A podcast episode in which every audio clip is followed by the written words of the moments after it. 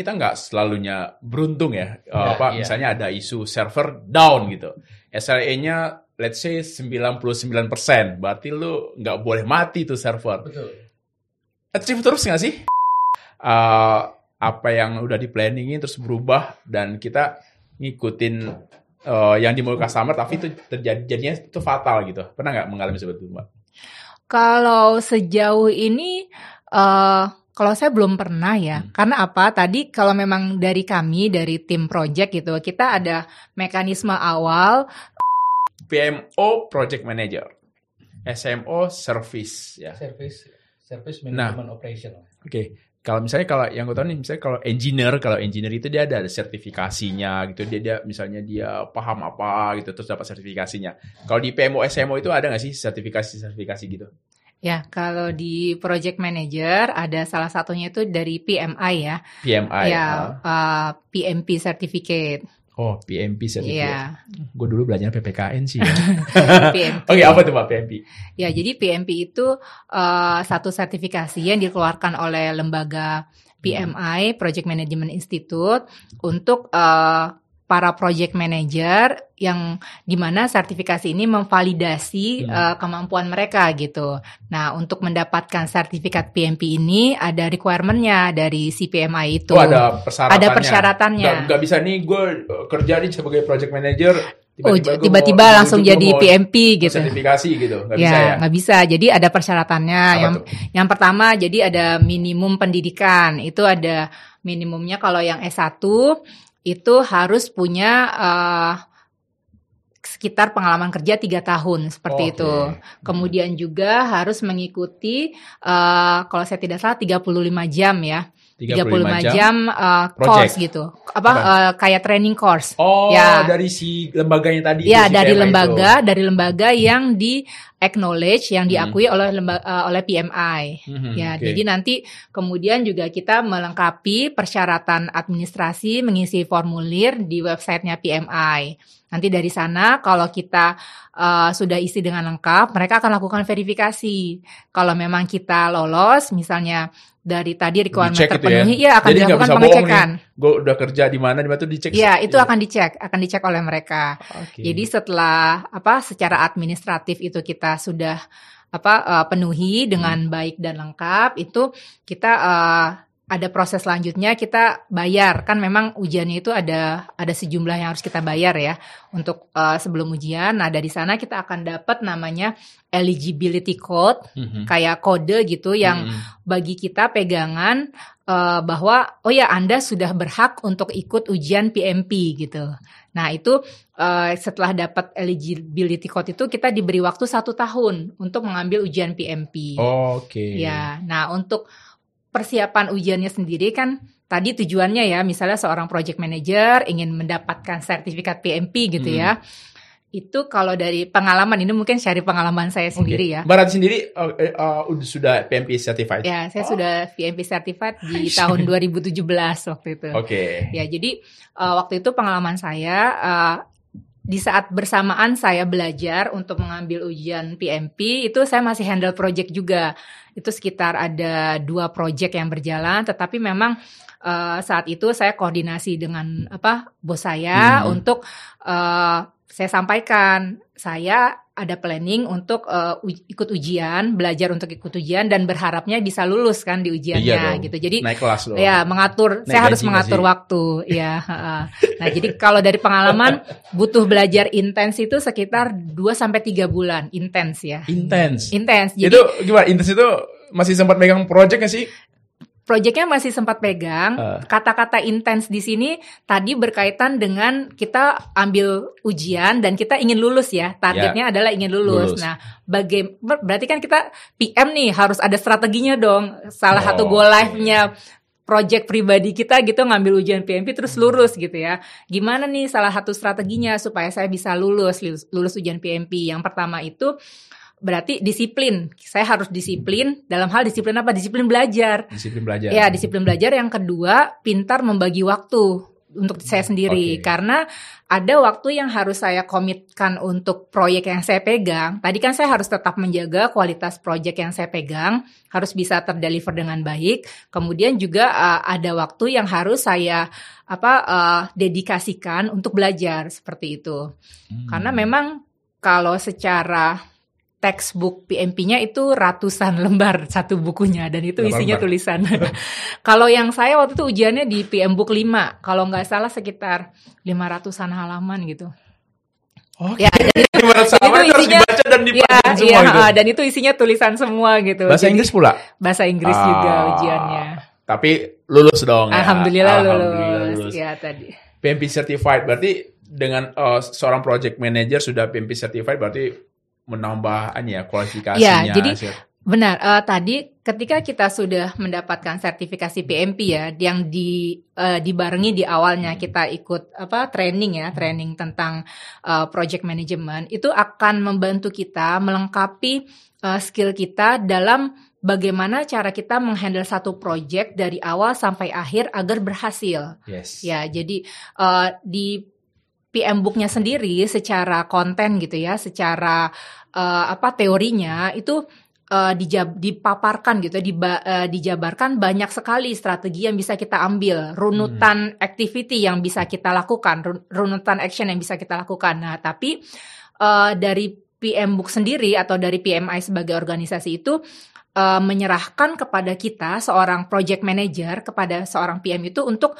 mengambil yang mana nih yang kira-kira bisa kita ambil. Karena tadi seperti saya sampaikan durasi satu proyek itu ada yang dua bulan tiga Hmm. bulan dua tahun. Pasti dengan durasi yang lama ya berarti kan mungkin eh, secara scope of work-nya lebih banyak apa eh, pihak-pihak yang terlibat lebih apa yang terlibat lebih banyak gitu ya. Jadi eh, teori-teori ataupun eh ilmu gitu ya dari PM Book itu bisa kita ambil bisa kita terapkan gitu Oke, karena ini ya, eh, walaupun kita lagi eh, kurs PMP atau sertifikasi, project harus tetap jalan terus. project ya? tetap jalan Dan terus kita harus membagi waktu. ya membagi waktu Sebagai project manager, udah ini dong, udah udah pasti udah udah udah mainan gua nih membagi waktu entah itu project dengan dengan kehidupan pribadi, kemudian tambah lagi dengan kursus kita gitu ya. Yang penting eh, harus tahu goalsnya, project Yes. harus BAST eh, tepat waktu, tepat dan ini eh, PMP juga harus lulus. iya iya Oke.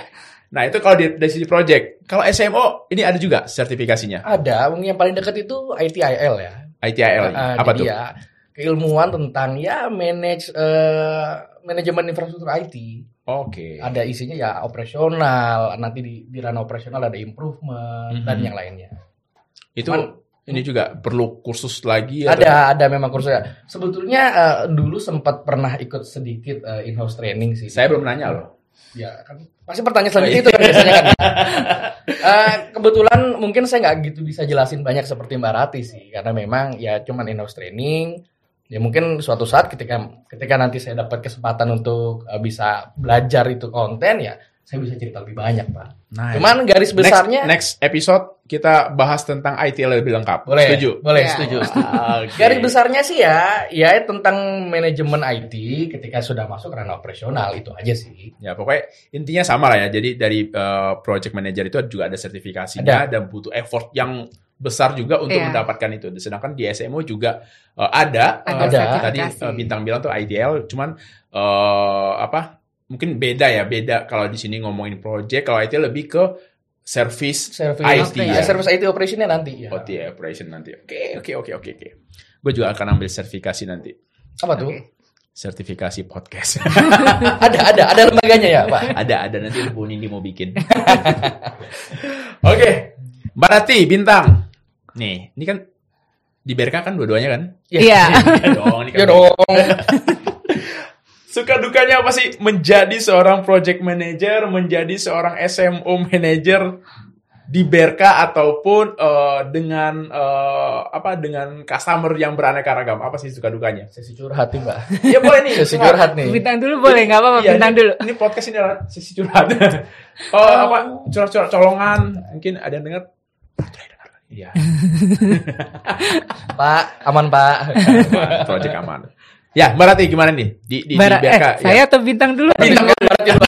Iya, gantian Sweet, sweet, sweet, sweet, sweet. Gak usah apa-apa saya aja. Oke, Eh, bintang. suka dukanya kalau dari teman-teman SMO ini ya karena proyeknya dinamis ya. Oke. Di tengah-tengah proyek pun kadang-kadang ada perubahan SOW dan itu sangat Hmm. memungkinkan adendum kontrak ya di mana yang tadinya sudah kita plan itu berubah plannya. Yang tadinya kita udah assemble sebuah tim, ketika SOW-nya berubah, ya ada perubahan juga nih di, di tim tersebut. Iya. Entah nambah, entah mereka update knowledge, ya tergantung SOW yang ditambah. Paling itu aja sih Pak. Eh, agak repot ketika SOW ini ditambah di tengah project, sedangkan ini kan tim operasional lagi lagi bekerja. Ada change dong, ada Iya, perubahan. change management. Ini di ITL juga ada. Oke. Jadi ada change management di sini ya. Ya ini agak sulit kadang-kadang kita harus pinter-pinter eh, eh, koordinasi sama tim teknis. Kita sampaikan juga kebutuhan kita ke customer bahwasannya ini ada penambahan SOW tapi operasional harus berjalan eh, optimal. Ya, Ini pasti ada yang di tweaking di situ. Nah, itu biasanya masalah terbesar saya sih seperti itu biasanya, Pak. Tapi bisa dihandle semuanya dengan tadi komunikasi tadi ya. Iya, komunikasi ke customer, Hmm. uh, ya change management ini kan ada nanti ada risk management, ada macam-macam di belakangnya pak. Jadi komunikasi ke customer, terus kita coba pikirin uh, strategi apa yang bisa kita ambil buat buat mengeksekusi perubahan yang ada tanpa mempengaruhi operasional yang berjalan. Oke. Berarti kalau begitu eh, di SMO itu eh, maintenance, maintenance kan ada yang secara rutin mungkin ya. Secara Ya, rutin, kalau kalau yang tadi kita bicara itu uh, apa korektif atau gimana? Enggak, itu itu ya itu ada tim ya memang based on kontrak ya Pak. Ada ada lagi kalau dari sisi SMO itu ya modelnya ya korektif sama preventive maintenance. Hmm. Biasanya ini uh, hardware atau software ya. Jadi yang di yang di manage ini bukan resource, bukan orang, bukan tim. Mhm. Tapi ya perangkat yang dalam SOW itu dalam kontrak tersebut. Jadi kalau preventive maintenance ini triggernya adalah waktu, Oke. Uh, apa sih preventive maintenance? Ini kegiatan pencegahan. Jadi sebelum ini barang rusak Sebelum kejadian. sebelum kejadian kita prevent. Hmm, ya mencegah lakukan. dari apa ya? Pencegahan ya let's say kalau server gitu ya Hmm. sebelum baterainya habis ya kita ganti. Oh, oke. sebelum disknya full ya kita backup. Seperti itu. Ini salah satu uh, ya preventive maintenance. Biasanya ini uh, periodenya uh, triggernya waktu. Tiga bulan kah? Enam bulan kah? Sesuai dengan kontrak dan kesepakatan sesuai tadi kontrak ya. dengan dan kesepakatan Nah, satu lagi korektif. korektif. Kalau korektif ini biasanya kalau ada hardware failure, rusak, kita Tiba-tiba. ngebenerin, iya, ngebenerin lah nih bahasanya. Ah, Ada barang yang rusak, kita mesti benerin nih. Ini masuknya korektif. Oke. Jadi yang satu pencegahan, yang satu perbaikan gitu mungkin ya Hmm. bahasa sederhananya ya. Oke. Itu kalau kalau tadi ya eh, dukanya itu terjadi apa? Ada perubahan-perubahan. Ada perubahan di tengah-tengah fase operasional. tiba-tiba ada kejadian tengah malam. Ya, itu juga. Hmm, telepon Bapak Bintang segera ke data center. Dan biasa begitu, Pak. Karena karena memang sudah di set dari awal punya tim, kita Ah. planning, kita buat project ini sebaik mungkin.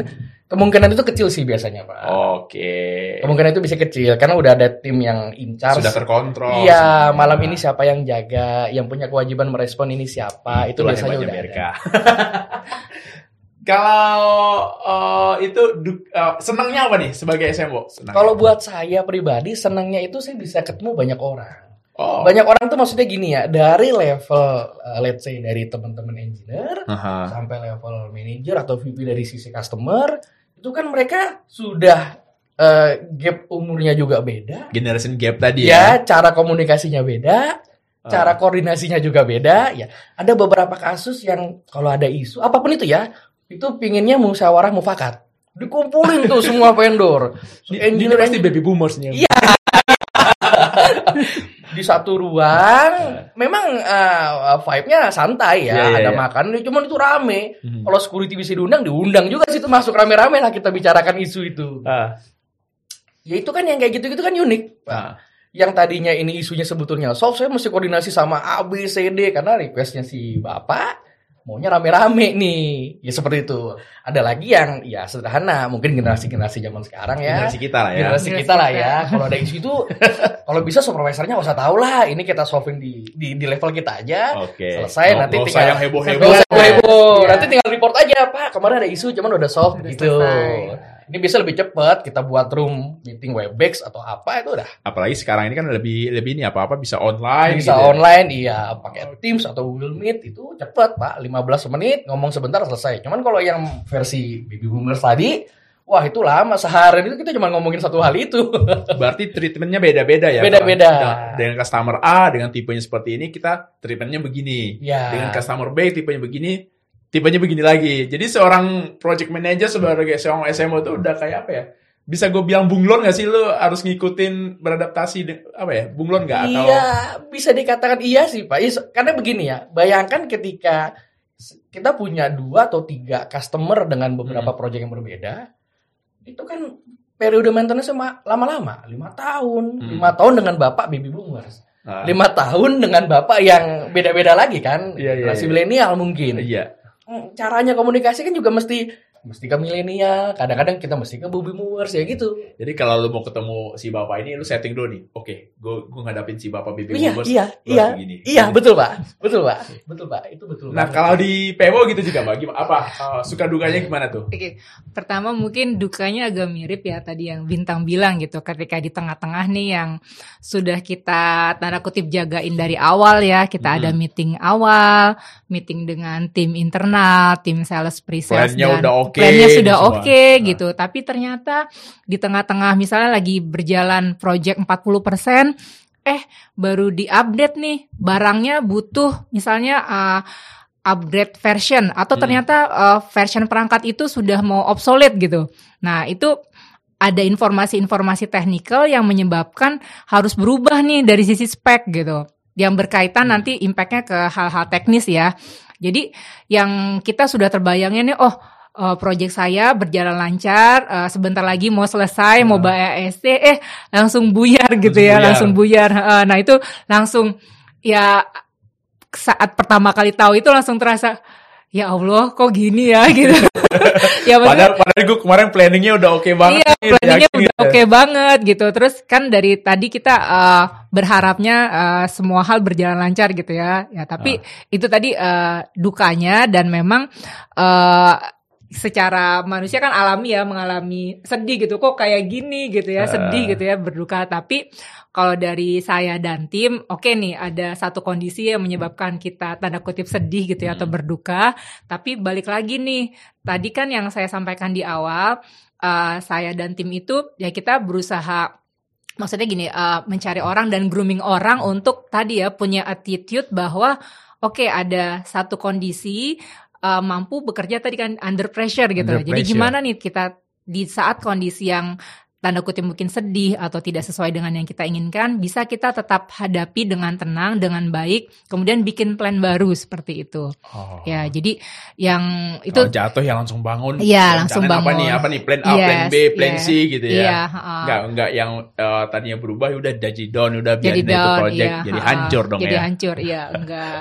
Ah, terus kalau sukanya, ah, kalau dari kita project-project yang dihandle saya dan tim itu kan ada lokasi yang tidak hanya di Jakarta ya, misalnya Oke. di di Jawa Tengah, kemudian di Surabaya, kemudian juga ada yang misalnya di Bandung. Nah, mungkin salah satu sukanya bisa kita kick off meeting nih kan hari ada project yang kick off meetingnya lebih awal jadi satu hari kita kick off misalnya ke Surabaya gitu atau Oh, ke Semarang gitu gitu, ya. traveling ya itu juga termasuk jadi kayak oke lah refreshing buat kita Kalau gitu kalau ya kata anak-anak muda sekarang tuh healing. healing ya jadi ikut Healing healing tapi kerja pak. Iya. Iya, kerja Ya, ya, tapi diselipin lah. Oke. Selipin, ya Healing habis itu pening.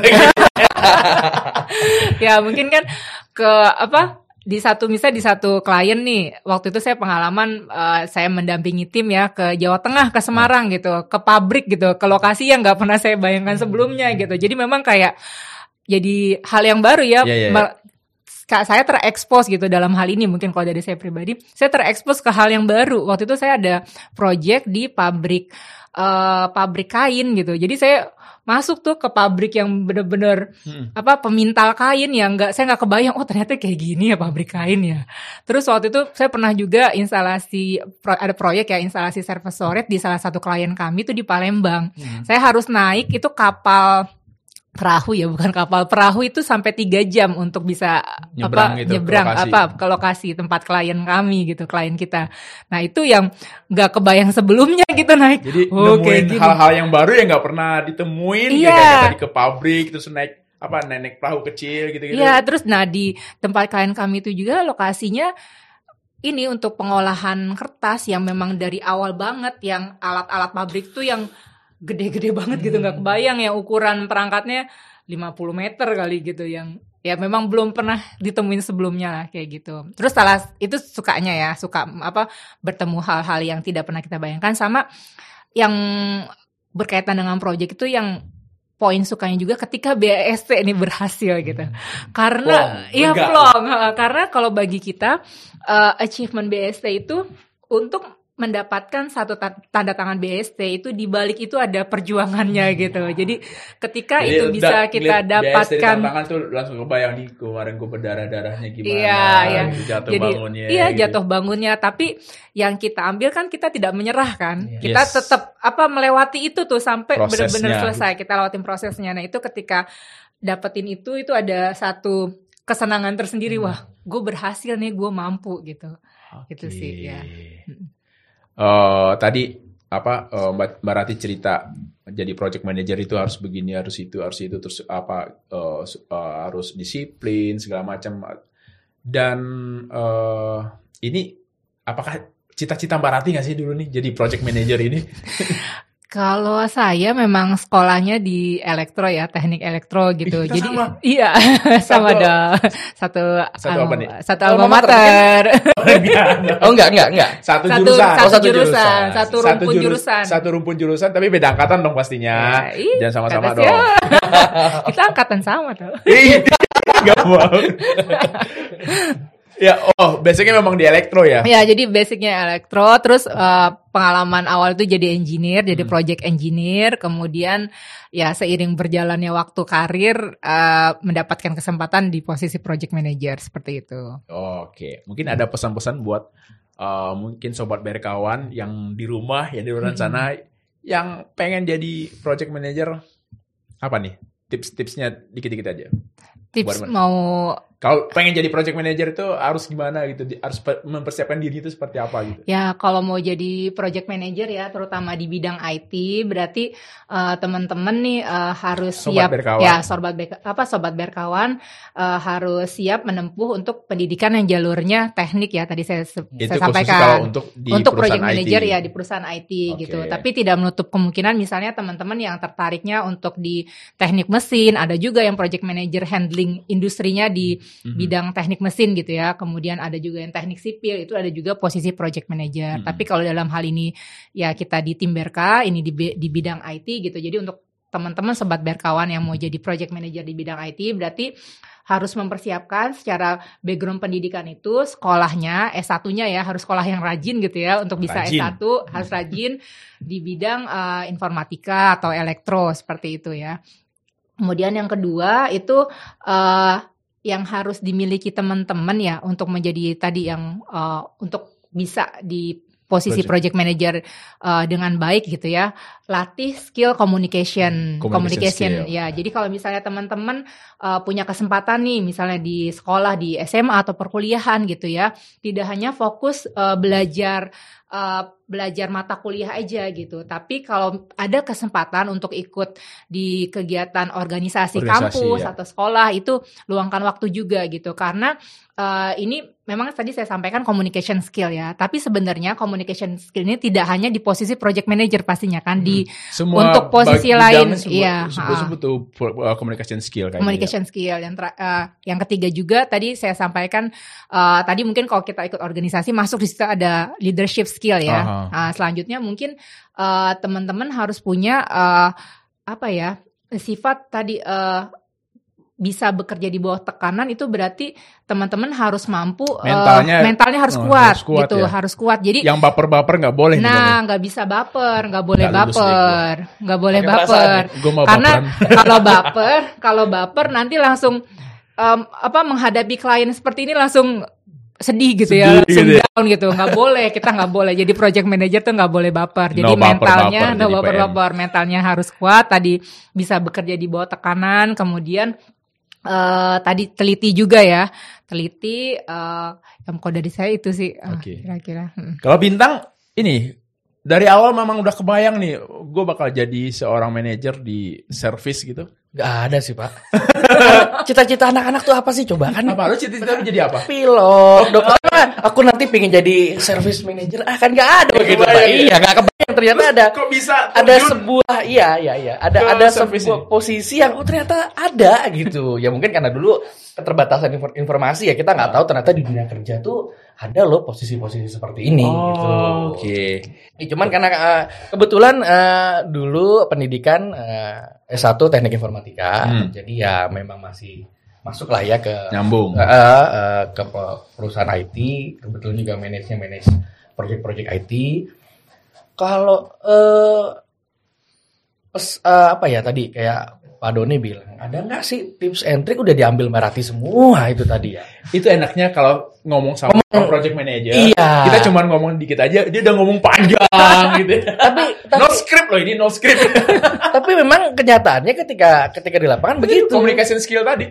di lapangan begitu memang nanti setelah tim project selesai di kan tinggal saya lanjutin aja pak Dilanjutin. SMO lanjutin Yang penting handovernya ini ya. Proper, benar. Proper ya. Proper, Informasinya gitu. jelas gitu Betul. ya. Informasinya lengkap. Ada yang mau dicurhatin nggak ke tim PMO gitu misalnya ada. ada ada lah kita baik baik aja berarti ya iya Baik aja lah. gitu ya.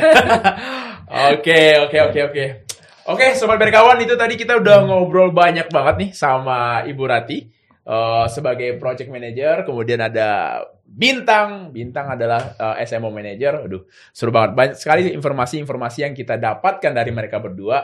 Eh, apa itu project manager? Apa itu SMO manager? Dan bagaimana cara bekerjanya seorang project manager ataupun SMO manager itu dan apa aja yang perlu dimiliki oleh seorang project manager dan ataupun SMO manager dan apa eh, bagaimana supaya project berjalan lancar, customer senang, happy dan bos BRK pun happy ya.